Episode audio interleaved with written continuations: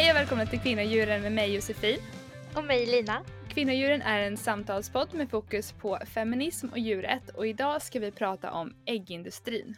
Vi kommer att gå igenom lite kort om hur djungelhönan eh, betedde sig men framförallt fokusera på eh, hur det ser ut idag med avel och eh, själva produktionen som hönorna får stå ut med. Men som vanligt så börjar vi med tre snabba.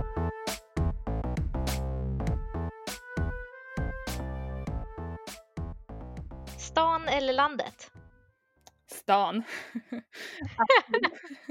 Nej men alltså jag älskar landet och jag älskar naturen. Um, men alltså jag älskar stan. Alltså, jag har alltid velat bo på Söder. Jag säger landet. Va? Jag är Va? från landet. Ah. Ja, stan suger. Jag vill bo på landet. Varför bor du i stan då? För att det är praktiskt just nu. Mm, okej. Söt eller matig frukost? Söt alla dagar. Det, det matigaste är typ ost men helst typ så gröt eller yoghurt och flingor. Jaha. Jag säger matig. Jag skulle Oj. helst typ, om, om jag fick skulle typ äta rester till frukost. Åh nej, alltså jag klarar inte. Men jag har hela livet, jag kan inte äta matigare. Alltså ost och gurka, alltså veganost och gurka, är det det matigaste jag kan äta? Jag kan inte äta något annat. Jaha. Alltså jag kan bli lite så här, full English, det är liksom kanske lite väl så här, eh, mastigt på morgonen men alltså jag, jag gillar inte jag gillar inte att när det är liksom yoghurt och sånt där, nej, nej Oj, blä. bra fråga. Där var vi verkligen Mm. olika. Mm. Okej, kunna prata tio språk eller spela tio instrument. Och då menar jag liksom så här, prata dem väldigt bra och spela dem skitbra liksom. Åh, den var svår. Mm. Alltså, man hade ju kunnat typ starta värsta grymma rockbandet själv. Om man hade kunnat spela alla. Och så, så, men ska man tänka så här pedagogiskt och, och vad man skulle kunna göra för världen så skulle det vara bättre att kunna eh, prata en massa olika språk. Eh, men om jag ska vara lite egoistisk hade det nog varit jäkligt coolt att kunna tio instrument. Ja, men jag svarar nog exakt likadant. Att så här, är- spontant säger jag tio instrument för jag tycker det skulle vara roligast för mig. Mm. Men det vore ju inte det mest praktiska kanske. Nej, precis. Speciellt inte när man vill förändra världen. Nej, bra sagt. Mm.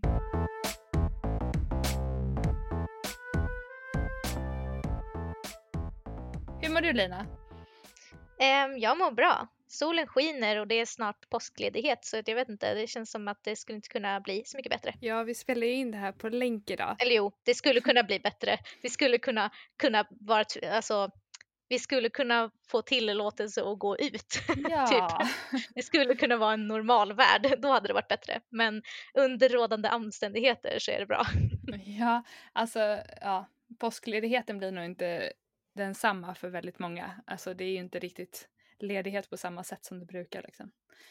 Nej, det blir en ensam eh, påskledighet framför allt. Mm, och speciellt kanske många som jobbar hemma tänker jag, man har mycket att ta igen så det kanske, jag vet inte om folk kommer kanske ta ledigt på samma sätt heller. Eller inte vi, vi, Mm, vi så kommer i alla fall också jobba igenom hela påsken. Men eh, Ja, jag har ju så lite mera eh, fasta arbetstider, eller man ska säga. Så är jag ledig så är jag ju ledig typ. ja, men det är skönt. Det är skönt. Mm. Ja. Hur är du själv då? Jo, nej men det är bra. Eh, vi har hållit oss friska. Men barnen har varit hemma från förskolan i tre veckor så det börjar bli lite springa på väggarna. Men nej men det är skönt. Skönt att man kan vara ute nu tycker jag.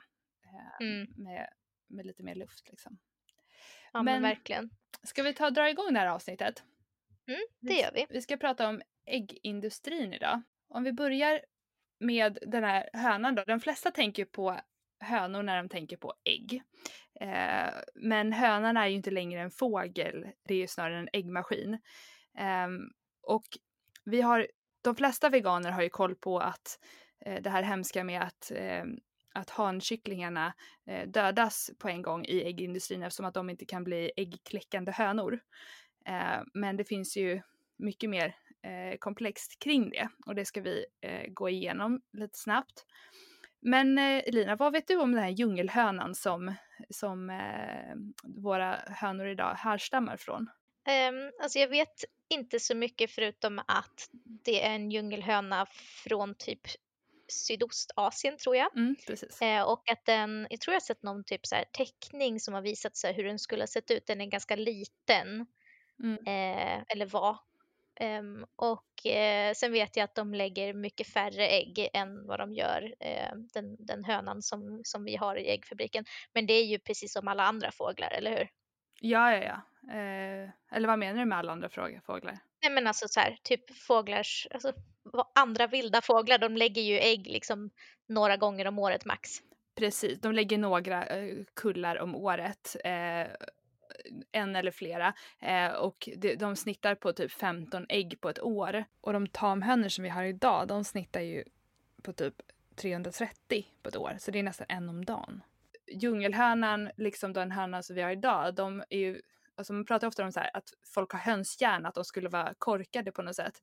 Men de är ju, de är ju väldigt så här, smarta och intuitiva eh, djur och de pratar med, när de ligger och ruvar så eh, pratar de med barnen eh, genom ägget och sen så eh, så när de kläcks så känner de igen mammans röst. De har upp till 31 olika läten, bland annat att varna för så här, rovdjur och grejer.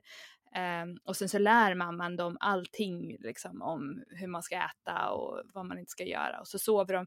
de, de, de deras instinkter, vilket gäller även dagens, våra tamhönor som vi har idag, att de flyger gärna upp och sover i ett träd för att det är liksom mer skyddat där. Så de har, de har liksom bona typ uppe i trän. Um, det, det, tycker jag ändå så här, att, att de har kvar de instinkterna men det får inte riktigt vara så i industrin tyvärr. Nej, jag tror till och med att de har uppfattningen av att de inte kan flyga typ för att de får ju inte göra det. Mm. De är, jag tror det är ja. väldigt mycket som jag liksom, som jag för några år sedan trodde eh, hur de hade det liksom. Mm. Jag hade, hade nog en helt annan bild, eller jag hade en helt annan bild av hur det ser ut än vad jag nu vet. Och jag tror att den, den bilden som jag hade, den har nog många eh, idag andra också. Ja, och jag hade det jättelänge. Alltså jag har, jag blev, eh, vi blev ju båda veganer där för sex år sedan och alltså jag visste inte, definitivt inte allting då. Man lär sig nya saker hela tiden om hur sjuk industrin är liksom. Um, men framförallt lär man, jag har lärt mig mer om, om, om hur djuren mår i det fria liksom och hur, hur de egentligen skulle vilja göra det är väldigt lätt att tänka på ägg samma, men det, vi tar ju bara ägget. Um, och att det inte skulle vara ja. någon fara med det liksom. Ja, för att det som jag tänkte när jag var liten så hade jag liksom grannar och så som hade hönor och, och som tog deras ägg och jag var med och inne och liksom, eh, vad ska man säga, skördade ägg, äggen eller vad man ska säga. Mm. Och de, de där hönorna, de var ju bara där och sen så kom det bara ägg och man bara tog dem ju liksom. Det var inte som att det var någonting dumt med det för de bara kom ju ändå. Mm. Förstår du vad jag menar?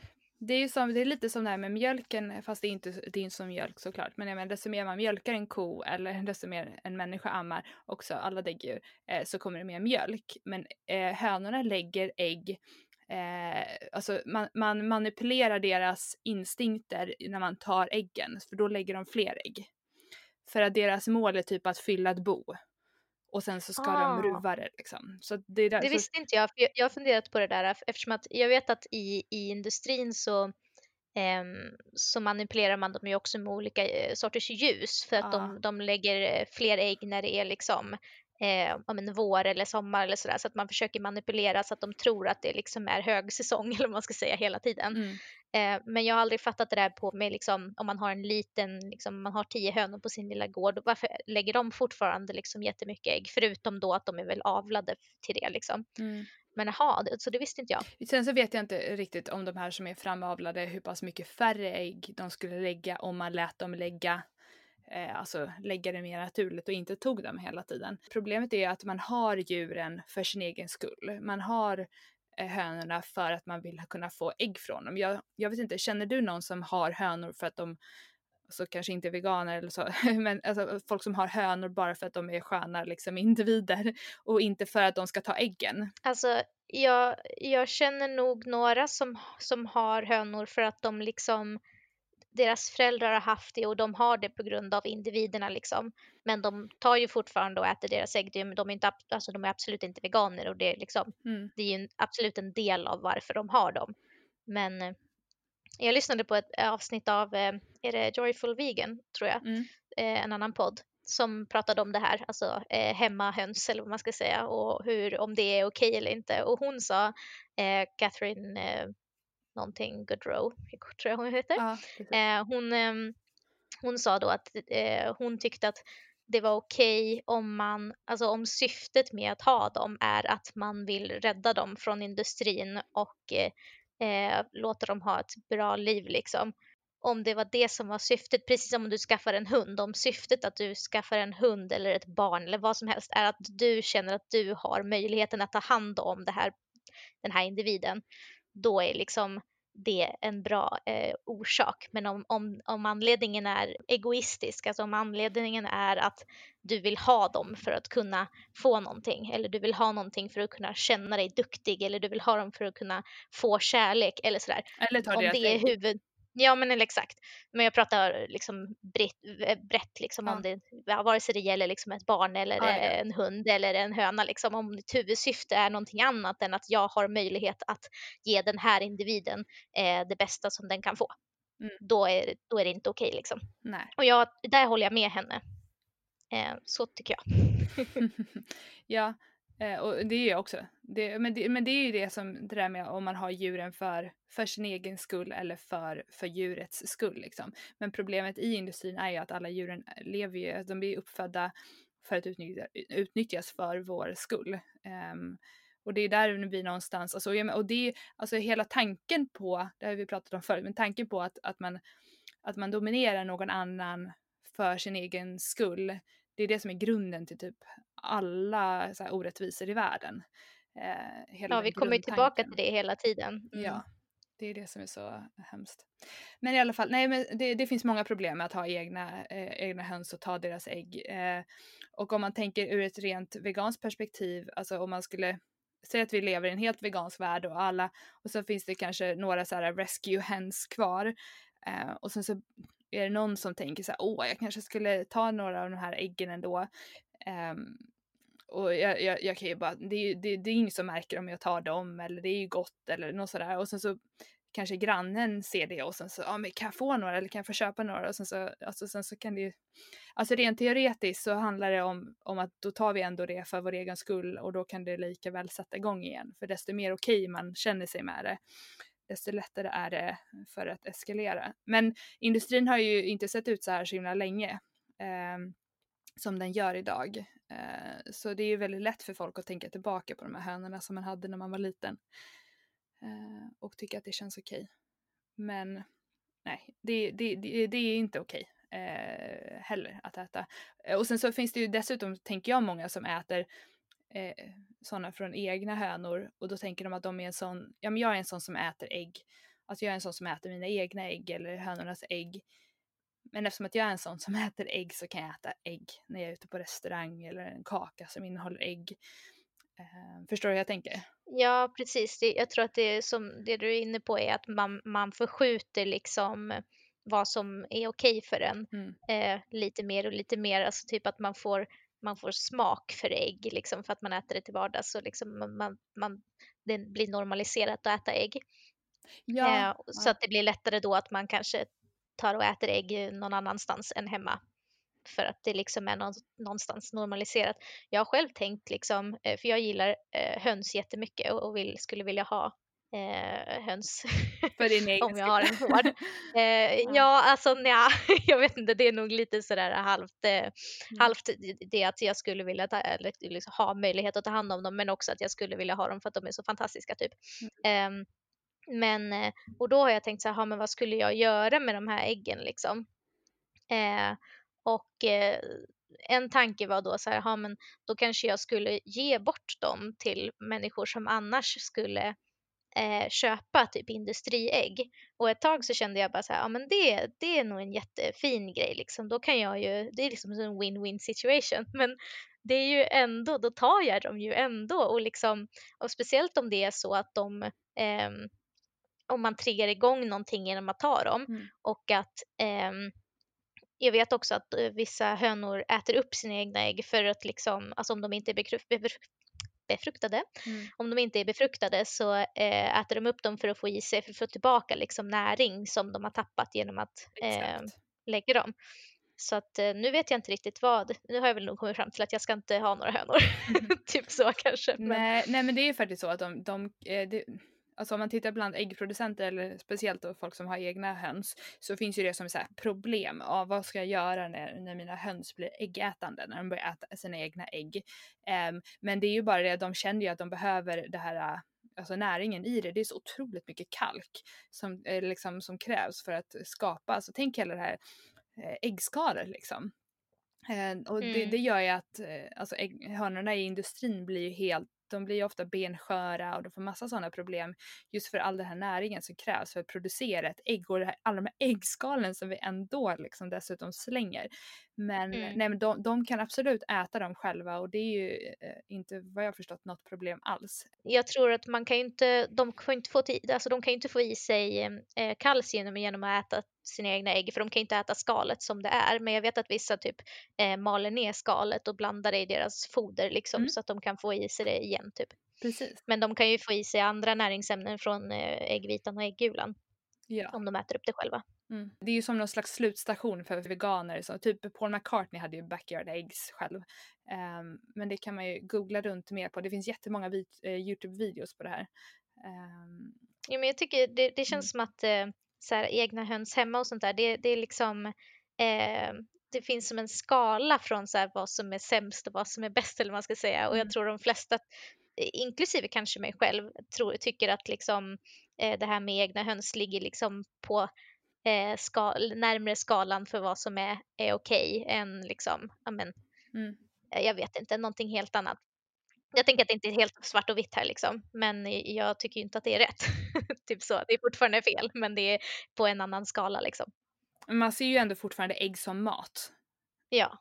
Och, och, och vi, det är någonting vi inte kommer prata om i den här podden typ alls, är näring och, och sådana saker. Nej. För det finns så mycket annat om det. Men ägg är ju inte hälsosamt. I USA eh, får man inte marknadsföra ägg som säkra. Men det viktigaste nästan med att ha egna höns är det som vi ska komma in på nu, själva industrin bakom det. Därför att eh, oavsett om, om man har egna höns eller om det är industrin, så folk som köper egna höns för att ha dem i sin bakgård kommer oftast från samma industri i bakgrunden. Eh, visste du det? Att man köper ändå dem från samma framavlare liksom.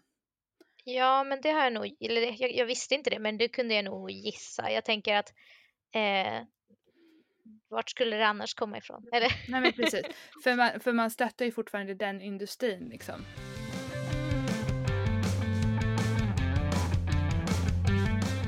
det finns flera olika steg i det här. Man tänker på de här hönorna som lägger ägg som vi äter. Eh, det är ganska enkelt att, att tänka att det är äggindustrin. Eh, men de här hönorna som lägger äggen måste ju komma någonstans ifrån. Eh, så de har ju såklart föräldrar. Eh, och de här föräldrarna är ju en specifik typ av framavlade höns, alltså föräldrar, hönor och tuppar, som ska få barn som eh, kan få barn som är eh, så eh, högpresterande så mycket som möjligt så de kan äta, så att de kan producera väldigt många ägg ehm, på väldigt maximerat foder liksom. Och i Sverige, om man tittar liksom, eh, man går tillbaka några steg, det finns tre olika avelsbitar. Den ena är ju då de här som, eh, när vi tänker på eh, kycklingar som folk ska äta, typ broilerkycklingar, de är framavlade på ett sätt. Men så finns det två led eh, för äggindustrin och det första är ju eh, sker inte ens i Sverige för att den här aven för, för de här väldigt högäggläggande hönorna eh, och tupparna Eh, de, de produceras fram, avlas fram på eh, stora internationella företag som eh, länder världen över köper ifrån. Alltså även i Sverige, för att i Sverige har man inte på typ Svenskt Foder och eh, det här hittade jag faktiskt på Svenska Ägg, så det är deras egna information. Eh, man har inte kunnat avla fram de här hönorna själv. Det finns vissa lantbruksraser eh, i Sverige som man har kvar för att man ska ha kvar arten typ, men de har inte Just alls det. lika hög äggproduktion, så det är väl om folk Nej. kanske vill ha dem för hönornas egna skull. men mm. eh, jag vet inte det här är så knäppt för det känns som att det här är en sån grej som man inte tänker på eller jag tänkte inte på det här under väldigt lång tid utan jag tänkte nog ganska naivt så här att okej okay, eh, det finns en äggindustri då är det en mammahöna och en eh, pappatupp och eh, de eh, är liksom eh, mammahönan det är den som lägger ägg eh, och sen så ibland får den liksom gå och para sig lite med pappahönan. Mm. Eller pappatuppen. Och eh, då blir det nya kycklingar. Och de som blir eh, hannar, de blir pappahönor. Eh, eller pappatuppar. och de som är, är mammahönor, de blir nya liksom, äggläggare. Mm. Så har jag nog tänkt att det är. Och sen så liksom fortsätter det så och de får liksom så. Men så är det ju absolut inte då. Nej. Och det, där, och, och det som jag sa nu, det är ju liksom första steget. För då så köper de de här hönorna och tupparna. Och det är ju de då som ska vara föräldrarna till de äggläggande, alltså de som kallas för brukshönor. Ehm, Mm. Så de paras här i Sverige på, och då, da- da- det kallas för kläckerier eh, här i Sverige Just då. det, och, det, och de Mm. paras eh, för att eh, få fram de här hönorna. Och det som vi nämnde där i starten att det är ju tyvärr bara hönorna som kan lägga ägg. Så vad händer då med hälften av alla kycklingarna som föds? Ja, för jag trodde nog förut att de då, vissa gick till avel och vissa gick till att bli ät, alltså kycklingar som man äter, alltså de här som nu vi vet är broilerkycklingar som är en helt annan sort. Liksom. Mm, precis. Ja, det är ju inte det som händer med de eh, hankycklingarna, utan vad händer med dem? Eh, ja, alltså, jag har ingen siffra på hela världen, men i, bara i Sverige så är det 15 000 hankycklingar varje dag som gasas ihjäl en dags gamla. De sorteras av människor. människor. Det här har jag sett faktiskt eh, på Platsbanken, alltså sådana här eh, platsannonser för att sortera kycklingar. Det är helt sjukt om ni någon gång ser en sån annons på Platsbanken. Läs den, det är så sjukt. Man kan vara specialiserad på det. är tydligen, det går jättesnabbt. Så man, de, man, de vänder dem typ upp och ner och särar på benen och kollar Mm. om det är pojkar eller flickor. Ja, sen Eh. kastar de ner i en tratt. Ja. Eh, I Sverige Det är så liksom på löpande band det här liksom. på löpande band och det är alltså, fattar du, 15 000 i Sverige bara da, eh, varje dag, bara i Sverige. Eh, och det, det är de här söta gula små fjuniga sakerna som Pippi gullade med i den här filmen som man såg när Mm. man var liten. Och i Sverige så gasas de ihjäl men i många andra länder så mals de ner eh, som i en blender. Ja, levande. Alltså det är fortfarande lagligt i Sverige, men det är tydligen mer effektivt att gasa dem, så att det är inte så många som gör det längre. Men det är liksom lagligt att alltså mala ner dem som i en, en eh, köttkvarn levande. Liksom. Precis. Och det här är alltså kännande små individer som precis har kläckts och som såg fram emot att träffa sin mamma. De får ju heller inte uppleva det här att mamman pratar genom skalet för att hela inkubationen sker ju liksom i eh, alltså, speciellt ljus och sådär eftersom de tar dem från, eh, från hönorna på en gång. Ja, så de åker runt i plastbackar, alltså sådana här blåa plastbackar Mm. som de liksom ligger packat med ägg i den här backen som bara åker omkring på ett rullband och så kläcks de där i en liksom stålmiljö. Så det första de ser är liksom Blåa bara handskar. en fabrik. Ja, Mm. och liksom fullt med andra kycklingar runt den och de bara åker omkring i den här plastbacken. Det, det, alltså om man har sett, ah, nej jag kan inte ens tänka på det. Nej, man får googla det här för att det, det eh, om man vill se de här bilderna, det, det är verkligen fruktansvärt. Alltså, och- Vill och vill, men man nej. kanske bör. Jag, jag tycker att man bör se det här eh, om man inte tycker att det vi berättar är hemskt nog. För att eh, det är liksom oavsett om vi ska prata om en liten stund om burägg och frigående och ekoägg. Men alltså oavsett vilken typ av ägg det är så kommer de från den här industrin. Och då som sagt även om man har egna eh, höns så om man har köpt dem så kommer de. Det här är ju liksom det steget som man köper dem ifrån. Så man stöttar fortfarande att 15 000 små jättesöta endagsgamla kycklingar gasas ihjäl varje dag.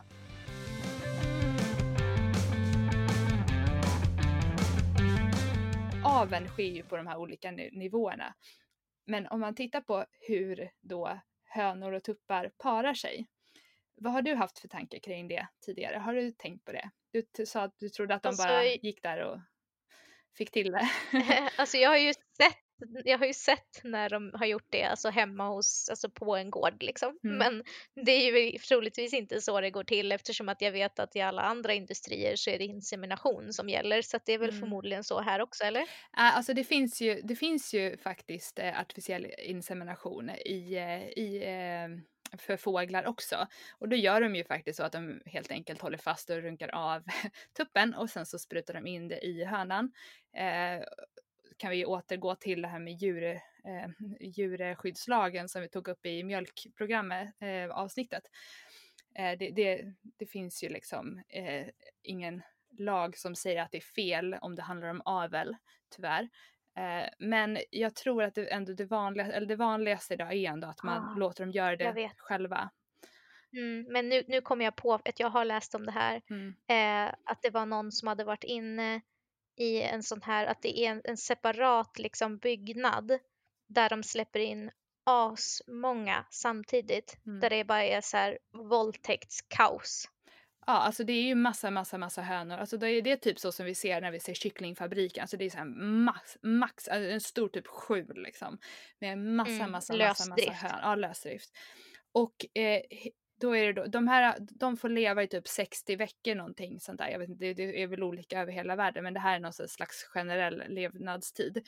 Då är det hönor Menar och tuppar. Du tupparna då? Hönor och Eller tuppar. Ja, ah, just det, ja. de är... Mm. Då, jag vet, jag, vet jag, jag, jag, jag har inte riktigt fått en hel bild om om tupparna är inne hela tiden eller om de släpps in i omgångar, men jag tror att de är inne hela tiden. Det har varit lite olika siffror också, men eh, det, ofta är det typ en tupp på tio hönor. Ibland har det varit en tupp mm. på fem hönor. Men det är alltså konstant våldtäkt. Alltså de är ju på de här hönorna hela, hela tiden. Och efter typ 40 veckor så är ju tupparna eh, typ inte lika produktiva, de är inte lika på längre. Så då byter de ut det, det kallas för spiking på, eh, på engelska i, i äggindustrin och då byter de ut det till unga pigga tuppar så att de kan få ut det mesta av de här hönorna de 20 sista veckorna. Um, så då, de är ju redan helt slutkörda, de är helt flodda på ryggen för att alltså, mm. alltså, tuppar som dessutom är med andra tuppar är tydligen extra aggressiva. Men dessutom mm. så har tuppen ett ganska aggressivt beteende under parning. Och de är ju där mm. inne liksom, alltså det enda de gör, de blir tvingade och det är ingen som kan fly, de är inne i det här skyddet liksom. Ja, det är ju fullt också med, ja. de kan inte liksom springa undan för det är bara fullt med andra höns. Jag hörde också att det är så att eh, det är ofta så att samma höns eh, råkar ut för det, alltså väldigt ofta för att det är liksom vissa har lättare, är lättare att komma åt eller man ska mm. säga.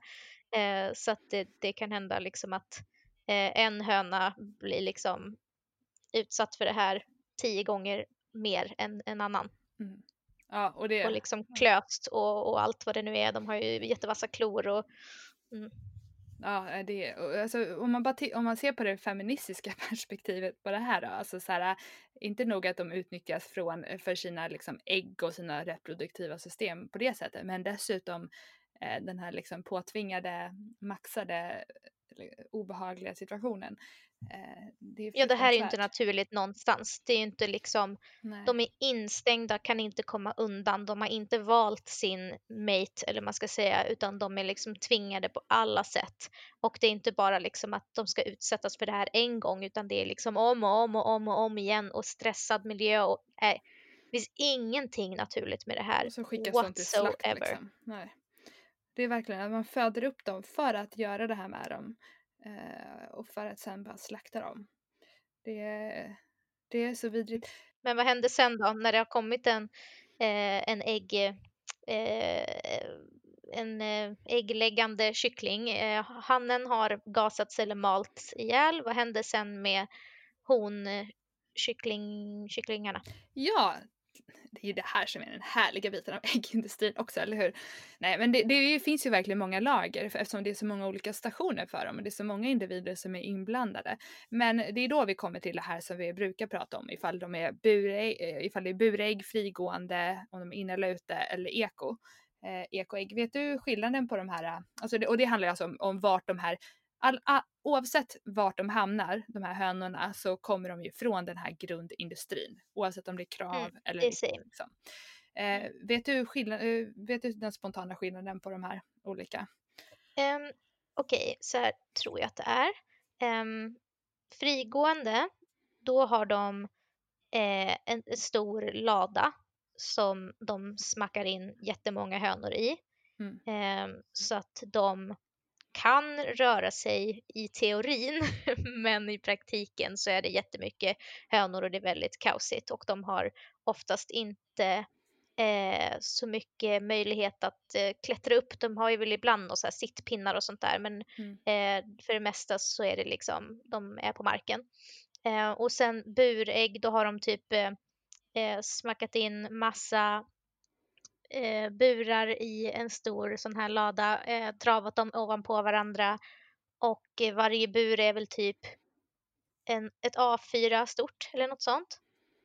Ehm, och så får de eh, stå på gallergolv eh, eller någon form av, det är för att de, när de bajsar och sådär så att de ska kunna typ så här köra undan det som är liksom eh, via någon form av, eh, vad heter det, löpband under typ. Så- Sa du att det var Men- en höna i varje bur?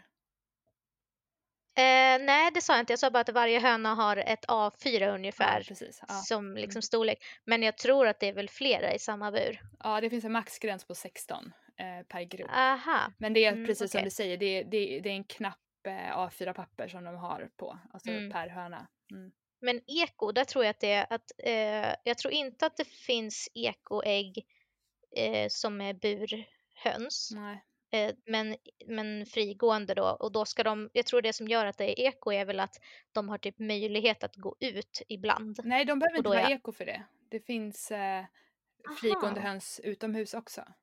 Aha, men vad är det som gör att de blir eko då? Eh, om jag går tillbaka bara till att... Eh, är höns foder i- kanske? Ja, precis. Höns inomhus, det var precis som du sa.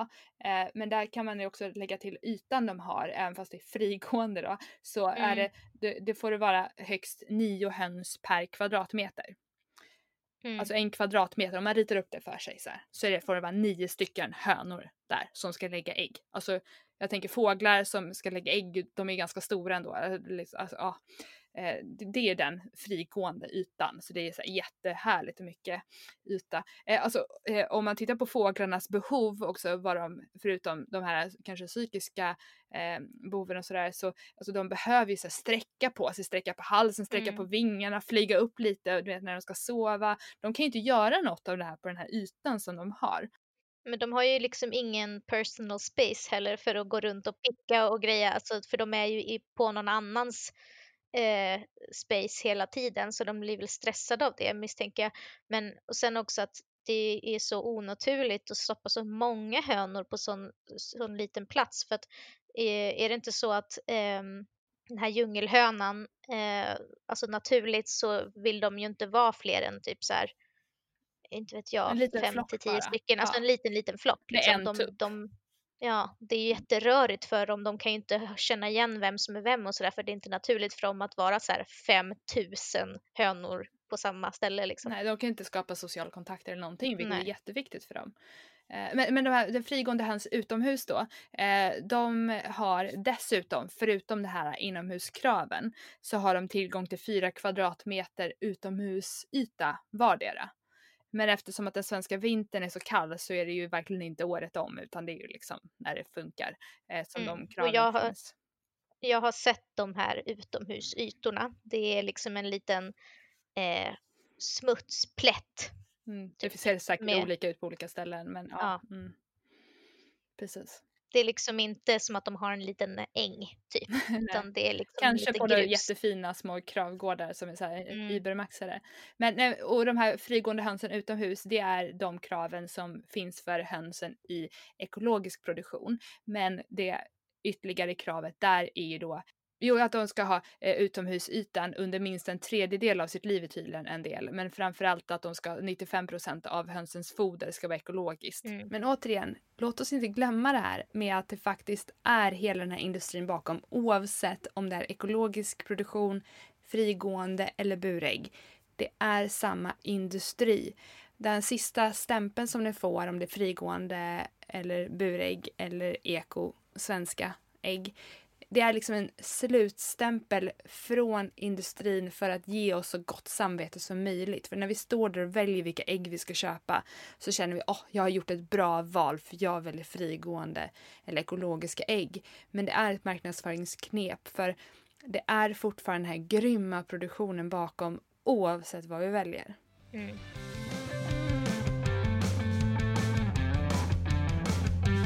Om man läser på Svenska ägg, eh, det är någon slags eh, är organisation för eh, all, alla svenska ägg. eh, äggproducenter så eh, kan man läsa olika rapporter om hur härligt och nyttigt och bra det är med, med ägg. Eh, och då finns det en rapport där, där de skriver bland annat innan du grottar ner dig i rapporten så vill vi rikta ett stort tack till alla hönor, till alla inom äggproduktionen och såklart ett tack till alla som har bidragit till den här rapporten. Vi är så stolta över vår svenska äggproduktion. Alltså det, alltså Alltså det är precis så som du läste på Arlas mm. eh, grej. Um, Vilket jävla hyckleri. Stort tack för alla hönor vad ni får stå ut med. Och vi har inte ens mm. nämnt det här med, med sjukdomar och sånt där. Eh, bur, burhönsen är ju tydligen väldigt få idag. Alltså det är tydligen bara ICA som tillåter att sälja det eh, fortfarande. Om man har haft koll på Djurens Rätt på senaste. Eh, så finns mm. det inte så jättemånga burägg kvar. För att svenskarna, det är typ så 95% av svenskarna vill inte ha burägg.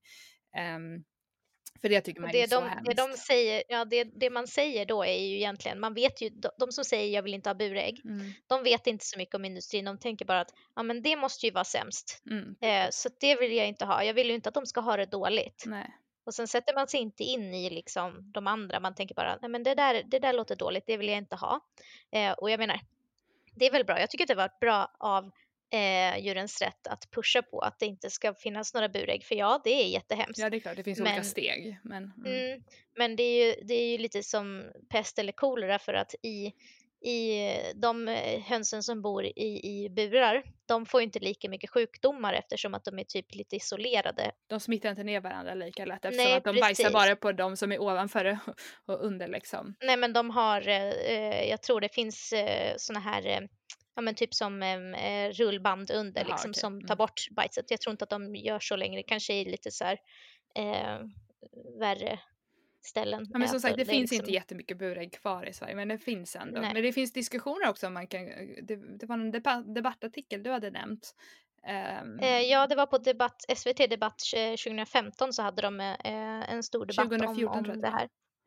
Ja, det kanske det var. Mm. Det var i alla fall i samband då med när Djurens Rätt hade sin kampanj med att försöka få bort eh, det och det var då när Coop tog bort sina eh, burägg. Mm. Och då var det det de andra eh, sa då som, eh, som förespråkade burägg, det var att eh, ja, men vi kan hålla koll mycket bättre på eftersom att vi vet var alla är någonstans för att de är i burar så vi kan hålla koll på deras sjukdomar mycket bättre. Eh, att så här, även om de skulle få sjukdomar så har de superkoll på alla höns liksom. Mm. Eh, Medan eh, frigående då, det, är bara ett stort kaos liksom så att man kan inte hålla koll på och liksom se om någon är sjuk. Eh, fine, köper det, men mm. det är ju fortfarande helt, helt bananas. Och de sa då också att eh, frigående höns får ju mer sjukdomar eftersom att de är liksom packade mycket tätare och eh, eh går och liksom bajsar och, och, och, river på varandra och liksom allt sånt där. Mm. Eh, och det eh, i, i den tid vi lever i nu med liksom virus, härjning och sånt där, då kan man ju tänka liksom hur bra är det att trycka ihop så här mycket djur på så liten yta där det bara är massa sjukdomar, sjukdomar, sjukdomar. Eh, och jag vill också tillägga att när de är sjuka, då får man ju ge dem antibiotika. Så är lagen i Sverige. Det är väldigt eh, restriktivt med antibiotika, men när djuren är sjuka, då får man ge dem det. Och eh, frigående höns är ju ofta väldigt sjuka och väldigt ofta sjuka. Så att det är ju väldigt mm. högre eh, mängd Ja. Det är högre antibiotika i Japp. frigående. Så mm. inget av det är bra. liksom om man tycker så här, jag vill inte att djuren eh, ska ha det dåligt, jag vill köpa ägg som, eh, från djur som haft det bra, då ska man ju inte köpa ägg helt enkelt. Det spelar ingen roll då om man köper burägg eller frigående, för de är båda jätte, jättedåliga. Ja, och, ja, och bara på den nivån, för sen så kan vi då dessutom, om man ska tänka på om man ska köpa ägg överhuvudtaget, lägga till alla de andra nivåerna, eftersom att mm. det har liksom med död och utnyttjande att göra. Och sen så kommer vi till slutstationen, eh, slutstationen för hönorna är att efter ett och ett halvt år, vilket är en bråkdel av deras egentliga liv, de hade kunnat leva i typ sex år i alla fall tror jag. Um, så mm, skickas tio de, läste jag någonstans. ja, de skickas till mm. slakt vid ungefär ett och ett halvt år för då är de helt slutkörda efter all äggproduktion och då skickas de till slakt. De eh, hängs upp och ner och doppas i ett elbad eh, och så skär man halsen av dem och, och så, så blir de mat. Så att jag menar, det, det är också en del av eh, industrin att man stöttar det. Ja, men jag bara vill lägga till att jag läste att eh, de väldigt ofta får äggledare inflammation. Ja, just det. Eh, mm. Apropå att vi pratade om i tidigare avsnitt att eh, eh, kor ofta får juverinflammation. För hönsen så är det då eh, äggledarinflammation som är väldigt vanligt och som kan leda till att de dör. Mm. Eh, så om de inte slaktas vid ett och ett halvt års ålder för att de inte är, är tillräckligt produktiva så kan de då dö av den här hemska inflammationen. Mm. Så Någonting som vi inte gör i Sverige, som eh, vad jag har hört i alla fall, som är, dock är vanligt fortfarande runt om i världen, är att man debikar hönorna. Alltså man, Mm. man klipper av eh, näbben på dem, vilket är ett känselorgan. Alltså det känns ju, man gör det helt obedövat, att man knipsar av liksom näbben för att de man inte gör ska det picka på, på, på varandra. småkycklingar. Ja, men, men man gör väl inte det i Sverige? Eh, det vet jag inte. Nej, jag tror inte kanske att man gör det. Jag tror att det finns... Men det kanske är olagligt vet jag. Ja, men det, det sker i alla fall runt om i världen och det är också så här mutilation, alltså det är också så här, bara vad vi Mm. gör med dem för att de ska vara så behagliga för oss som möjligt.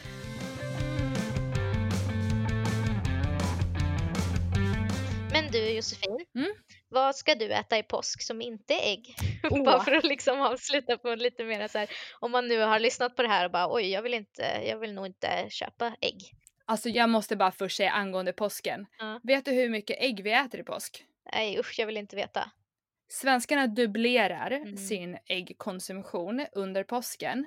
Eh, och det är bara, vad är det, det konsumerar 2000 ton ägg under påsken. Wow. På påskdagen, eller om det är påskdagen, den här största dagen, eh, så konsumeras det 6 miljoner ägg i timmen. Va? Vilket jag har räknat ut blir ungefär typ så här 0,6 eller 0,9 ägg per person i timmen. Gud vad Mm. sjukt. Alltså jag känner flera Jag som undviker eh, djurprodukter eller ägg liksom eh, ganska mycket till vardags men som liksom inte kan ge upp äggen på påsken för det liksom hör ju till och allt sånt där. Mm. Nej men vad jag äter, jag äter eh, avokado. eh, jag älskar avokado. Men jag, du, jag antar att du, kan, du som gillar lite mer så här matiga grejer, du kanske kör svart salt och tofu eller? Alltså någon gång har jag gjort liksom eh, låtsasägg. för jag, jag gillade väldigt mycket så Har du gjort riktiga sådana där som ser ut som låtsasägg? Eh, jag hade ingen bra eh, sån här eh, form, men jag gjorde det typ i en så här mini-muffinsform, så de blev ju liksom runda i alla fall. men eh, Kan inte du göra sådana till mina barn någon gång? De, de, de är helt övertygade om att det finns veganska ägg. ja, ja, absolut. Eh, men, eh, men det blev gott. Jag gillade jättemycket ägghalvor och sånt. Det tyckte jag var väldigt så här, eh, påskigt och så när jag åt ägg. Så att därför försökte jag göra det något år. Eh, det blev bra, men nu känner jag väl, alltså nu har det gått så lång tid så jag saknar inte det på samma sätt liksom. Eh, men på påsken brukar jag göra, ja vad brukar man göra? Skagenröra på tofu. Ja, Eh, och massa. I en avokado. Ja, det är gott. Eh, jag gillar ju så här typ eh, kavring och sånt där, göra någon sån eh, eh, typ som en, eh, vad ska man säga, som en paj eller man ska säga, det har kavring som botten eller cheesecake eller vad man ska säga. Med Mm. en fyllning som är typ som, eh, ehm, vad heter det? Eh, som skagenröra och sen så toppar man det med citron och tångrom och dill och lite sånt. Det är en sån där grej som eh, jag brukar göra på typ eh, alla möjliga högtider. Det är lite så. Sverige har ju typ samma högtidsmat för alla högtider. Påsken ja, är det väl som bara... skiljer sig är ju vår, ja, vår extrema äggkonsumtion. Ja, det är väl det. påsk, Och liksom. påsken är ju också lite mer så här typ vårinriktat. Det är kanske lite så sparris och citron och lite sådana smaker typ. Mm. Ehm, men eh, jag kan tipsa om att gå in på, vad är det, Vegomagasinets eh, hemsida. De har jättemycket bra recept och de brukar lägga upp så här för varje eh, högtid som kommer. Så där kan man kika om man vill ha lite tips på recept. Mm, verkligen. Och kolla runt på Youtube om man antingen är tveksamma på någonting av det vi säger eller liksom kolla andra källor och kolla våra källor också. Mm. Ehm, och läs på mer själv. För jag menar, man kan lyssna på oss prata om det här ehm, och alltså vi är ju inga experter men vi har ändå lärt oss en hel del om det här genom att vara veganer under några år. Eh, och det är ett sånt viktigt ämne, liksom alla de här olika ämnena är. Mm. Mm. Jag tror inte vi behöver säga så mycket om den feministiska vinkeln här. För Vi att nämnde det, är ju, lite. men, ja. Ja, men jag menar mer eh, konkret, det är ju jättetydligt. Det är ju som i de flesta andra industrier eh, de kvinnliga djuren som utnyttjas för våran vinning. Punkt. Ja, Det är liksom inte så mycket mer att säga Nej, det, var på någon, alla möjliga vis. det var någon som blev arg när jag sa att, att det var så på grund av hankycklingarna som dödas för det handlar om pojkar också men ja. Det behöver vi inte gå in Ja, på. men det är ju lika hemskt. Alltså jag menar, Nej, jag vet. Jag menar det är kalvarna. ju det. Feminism, ja, feminism är ju liksom, det involverar ju alla. Ja, jag vet. Det är inte bara som att vi tycker att det är synd om om honkycklingarna. Nej, det gör inte hemskt Det hoppas jag inte att folk tror, att vi bara bryr oss om dem. Nej, det har, det har i så Liksom. fall med en okunskap om feminism att göra. Eh, ja, Ja. exakt. Men nu tror jag att vi tar och avslutar. Eh, Det gör vi. Som vanligt så kan ni följa oss på Instagram, där heter vi kvinnodjuren. Och ni kan höra av, oss till, höra av er till oss på kvinnodjuren.gmail.com. Och eh, alla källor finns som sagt i avsnittsbeskrivningen. Vill du lägga till någonting Lina? Nej, tyckte du sa det så himla bra. Vad bra. Mm. Då ses vi nästa gång. Det gör vi. Ha det bra. Hej! Hej!